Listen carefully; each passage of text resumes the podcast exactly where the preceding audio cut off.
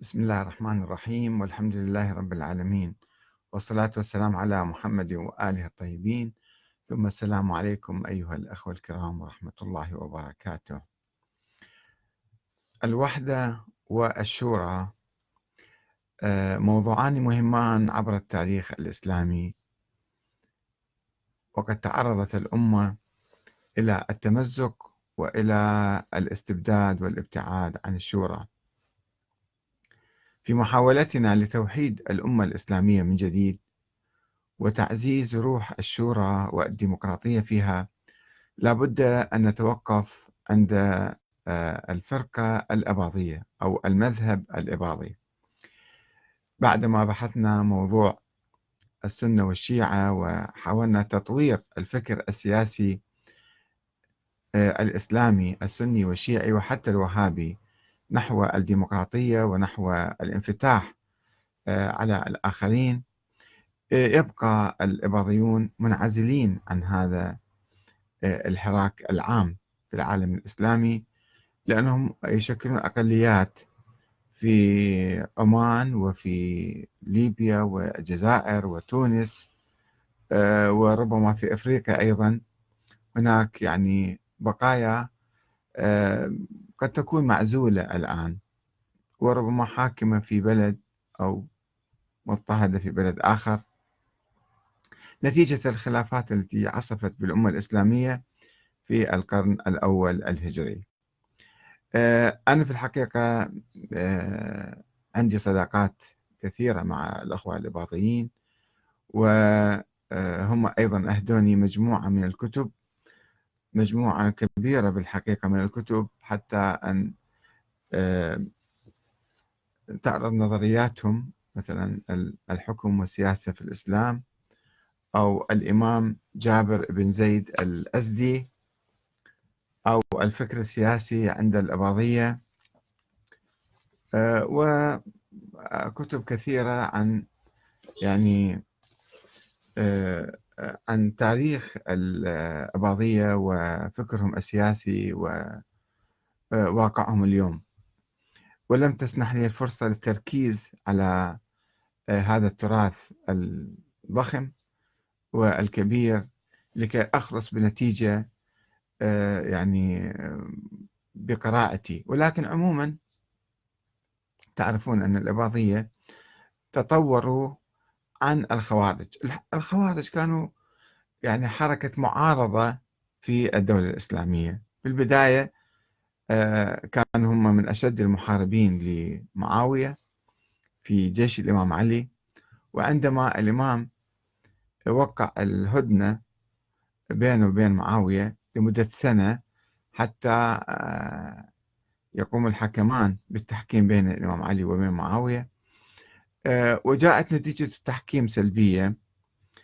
آه، فالناس اللي كانوا في جيش الإمام علي متحمسين لمواصلة الحرب والقتال وطلبوا من الإمام أن يبادر رأسا بإلغاء هاي الهدنة. الإمام قال لهم لا ننتظر فتنتهي السنة لأن أعطينا موعد سنة وبعد ذلك إحنا نشوف شنو يصير.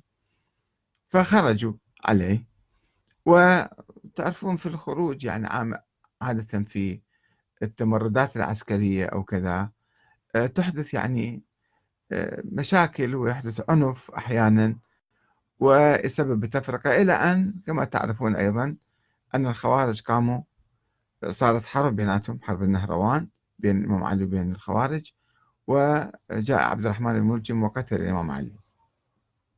والإمام علي قال لا تقاتل الخوارج بعدي. فليس من طلب الحق فأخطأه كمن طلب الباطل فأدركه.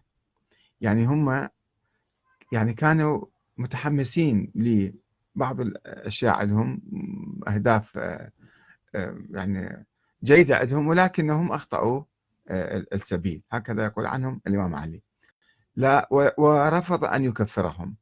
رغم أنهم كفروا فهو رفض أن يكفرهم. قال هؤلاء أخوتنا بغوا علينا وأن لهم ثلاثة علينا ثلاثة حقوق. ألا نمنعهم مساجد الله ولا نقطع عنهم الفيء ولا نبدأهم بقتال. فكان الموقف الأساسي هو موقف محاولة الاحتواء أيضا ويعني إعادتهم إلى اللحمة العامة.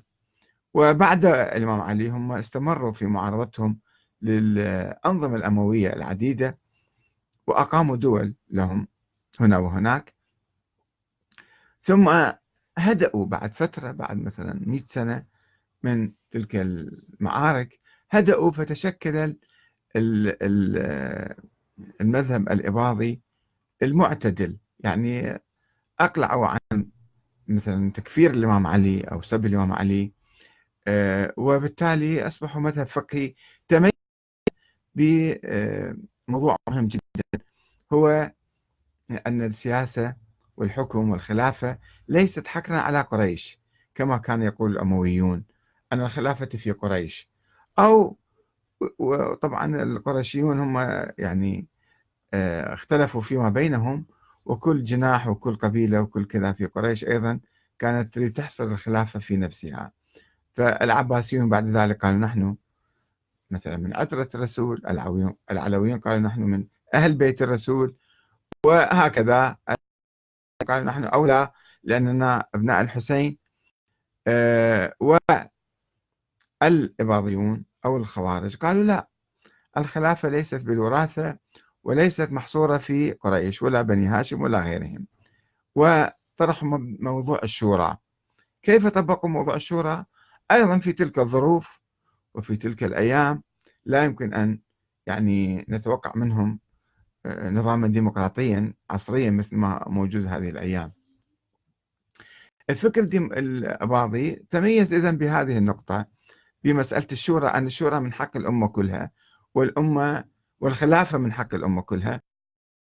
صار في آه، معين. والآن تقريبا الأمة الإسلامية حتى الشيعة اللي كانوا يحصرون الخلافة في آل البيت لم يعودوا يحصرونها ويقولون الخلافة أو الحكم يعني من حق جميع الناس. التزموا بالأنظمة الديمقراطية أو بالفكر الديمقراطي وكذلك السنة أيضا حصل تطور كبير عندهم نحو الأنظمة الديمقراطية. فإذا لم يعد هناك خلاف جوهري كبير أو جدي كبير بين لا بين الشيعة ولا بين السنة ولا تاريخية قديمة يجب أن نتجاوزها وهذه أسماء حتى أسماء يعني تاريخية يجب أن نتجاوزها ونحن مسلمون ونريد نعيش بسلام ومحبة ومودة وتعاون وعلى أساس الشورى والعدل. لا يمكن أن يكون هناك عدل بدون شورى ولا يمكن أن تكون شورى خالية من العدل هذا ما تسوى شيء. فإذا في اتجاهنا لتوحيد الأمة الإسلامية على أسس العدل والشورى والمحبة بين الجميع. إحنا تواصلنا مع الأخوة الإباضيين وهم تواصلوا معنا في الحقيقة عبر الإنترنت وعبر زيارات عديدة كانوا يجوني يعني يشرفوني في البيت والتقينا بهم كثيرا. وأهدوني مجموعة قيمة من الكتب كثيرة. بالحقيقة ما صارت لي فرصة حتى أطلع عليها كثيرا. قرأت بعضها ولم أصل موسوعة كبيرة جدا أكثر من 20 30 كتاب عندي الآن. إذا الله أعطاني عمر وتفرغت أن أقوم بدراسة هذا الفكر ومن أجل تعزيز الشورى في العالم الإسلامي والاندماج والوحدة بين المسلمين. وبهذه المناسبة أنا كتبت يعني الأعزاء اللي هو صديق عندنا في الصفحة وكثير عندنا أصدقاء بعضيين آه، أنه آه، يلقي هو بس أنا ما تمكنت أقوم بهذا العمل أن هو آه، يطرح لنا بإيجاز بعض الضوء على تاريخ نشوء هذه هذا المذهب وملامح ملامحه الفكرية الرئيسية وأيضا التجارب اللي نجحوا فيها في تطبيق الشورى والآن ما هو الوضع؟ الآن هل الشعب العماني أو الشعب الإباضي أو الإباضيون هم يتمتعون بالشورى أم الشورى راحت صارت من أخبار كان فهذا هو المهم أنه اليوم ماذا؟ ليس بالتاريخ. يعني يمكن الحكومة العمانية أيضا والمؤسسة الدينية العمانية نشرت كثير من الكتب حول تاريخهم وتاريخ مثلا يفتخرون بهم آه، ولكن الكلام حول تطبيق الشورى هذه الأيام أين الشورى؟ وأين دور الشعب؟ وأين دور الإباضية وعلمائهم؟ في تقرير المصير في إدارة البلاد في تحديد السياسة العامة الداخلية والخارجية. فكتبت آه، بعض الأسئلة وقدمتها لهذا الأخ ولكنه يبدو اعتذر عن الجواب لأن بعض الأسئلة شوية محرجة وخاصة الآن في ظل النظام العماني اللي هو كما تعرفون سلطنة. وسلطان يعني ربما هناك مجلس شورى ولكن ليس بيده كثير من الأمور. فقلت ما يلي؟ محاولة للتعرف على الفكر السياسي الإباضي القديم والحديث. لدي عدد من الأصدقاء الإباضيين في الجزائر وعمان وأفريقيا منذ حوالي عشرين عاما. وقد طلبوا مني أن أكمل سلسلة كتبي عن الفكر السياسي الإسلامي التي ابتدأتها بنقد الفكر السياسي الشيعي الإمامي يعني. ثم أعقبته عقب ذاك الكتاب بنقد الفكر السياسي السني وختمت السلسلة آه، بنقد الفكر السياسي الوهابي. وقدموا لي مشكورين مجموعة من الكتب الإباضية. وطلبوا مني أن أقوم بنقد أو عرض الفكر السياسي الإباضي. ومع الأسف الشديد لم تسنح لي الفرصة حتى الآن. ولذا أحببت أن يقوم الأخوة الإباضيون أنفسهم بتسليط الضوء على تطورات فكرهم السياسي وتجاربهم. فقدمت بضعة أسئلة رئيسية وطلبت من أحدهم أن يقوم بالرد عليها. واقترحت أن يقوم فضيلة المفتي العماني الشيخ الخليلي بالإجابة عليها إن أمكن تكون لها قوة أكثر يعني. فاعتذر الأخ نيابة عن الخليلي واستبعد أن يقوم بهذه المهمة نظرا لأمور عديدة. هو ما ذكرها قال في إحراج إلى يعني وفعلا في يبدو في إحراج من هذه الأسئلة. ف وقررت بناء على ذلك طرحها على العموم هاي الأسئلة بانتظار من يجد لديه القدرة على الجواب من الأخوة الإباضيين. أو من غيرهم أي واحد يقدر يفيدنا ويزيدنا معرفة فأهلا وسهلا. وذلك من أجل التقريب بين المذاهب الإسلامية والتعرف على العناصر الإيجابية أو التطورات الإيجابية الحاصلة في هذا الفكر أو الفكر الإسلامي السياسي العام. فهذه هي أسئلتي. واحد كيف نشأت الطائفة الإباضية أو الفرقة الإباضية أو المذهب الإباضي؟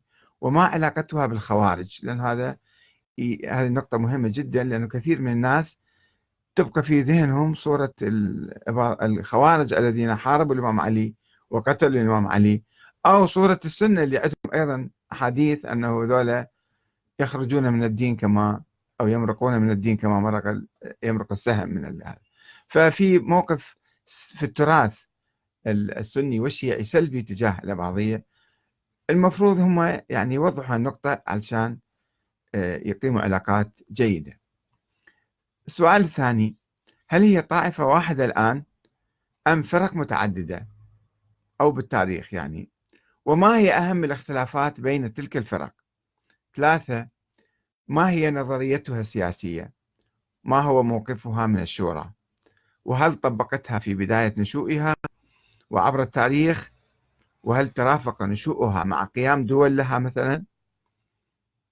أربعة ما هو موقفها من نظرية الخلافة الأموية والعباسية والفاطمية والعثمانية؟ يعني النظريات السنية والشيعية.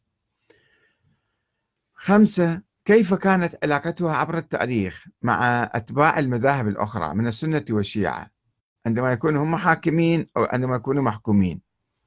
وكيف هي الآن أنا أعرف في أشياء إيجابية يمكن أن تقال ولكن أطرح هذه الأسئلة من أجل أحصل على أجوبة دقيقة من مصدرها. هل مرت في فترة من الفترات بحالة من التكفير والتفسيق والتضليل الآخرين هي أيضا كانت تنظر هكذا أو لا؟ أم كانت تحترم حقوق المسلمين وحرياتهم؟ ستة إذا كان الإباضية يؤمنون بالشورى فهل هي مطبقة في داخلهم وداخل الدول التي ينتمون إليها سبعة ما هو موقف الإباضية من الديمقراطية الغربية؟ وهل ترى فيها انسجاما أم تناقضا مع نظرية الشورى اللي هم كانوا يؤمنون بها سابقا؟ وهل توجد كتابات إباضية سياسية فكرية حديثة حول الموضوع؟ وأنا أعرف في كتابات ولكن أطرح هذا السؤال. ثمانية ما هو موقف الإباضية من نظام السلطنة القائم الآن في عمان؟ وهل هو قائم على الشورى أو الديمقراطية أم الوراثة والتعيين؟ وهم يعتبروا هذا نظامهم؟ أم في شيء غريب عنهم ومفروض عليهم مثلا. تسعة ما هو مستقبل الديمقراطية في عمان؟ بناء على ذلك اللي هم يشكلون أكثرية في عمان. عشرة هل لمشايخ الإباضية دور في انتخاب السلطان ولا لا؟ أصلا عملية بعيدة عنهم تماما. أحد عشر ما هو موقع مشايخ الإباضية في النظام العماني؟ وما هو دورهم في التشريع والمراقبة والتوجيه والمحاسبة؟ 12 هل هناك من يؤمن بنظرية ولاية الفقيه في المذهب العماني؟ يعني الفقهاء يجب أن يحكموا مثلا. ثلاثة عشر. يعاني الفقه الإسلامي في مختلف المذاهب من جمود وتخلف وتحجر على ظروف عصور ماضية سحيقة. وقد نشأت حركات علمية اجتهادية هنا وهناك. حركات تحاول تطوير بعض المسائل كمسائل الرق ومسألة المرأة ومسألة الأحوال المدنية ومجاراة العصر. فهل هناك حركة مشابهة في الأجواء الفقهية العمانية وما هي ملامحها. أربعة عشر ما هي انتقادات الأخوة الإباضيين وملاحظاتهم للتطورات الفكرية والسياسية الجارية في صفوف السنة والشيعة؟ هذه أسئلة مفتاحية هي تعتبر بالحقيقة ويعني أنا آمل من الأخوة أن يتفاعلوا معنا أكثر وينورونا على ما جرى ويجري في داخلهم. سواء من الأخوة في داخل عمان أو خارج عمان وموقفهم من عموم التطورات الفكرية السياسية في المذهب العماني. والسلام عليكم ورحمة الله وبركاته.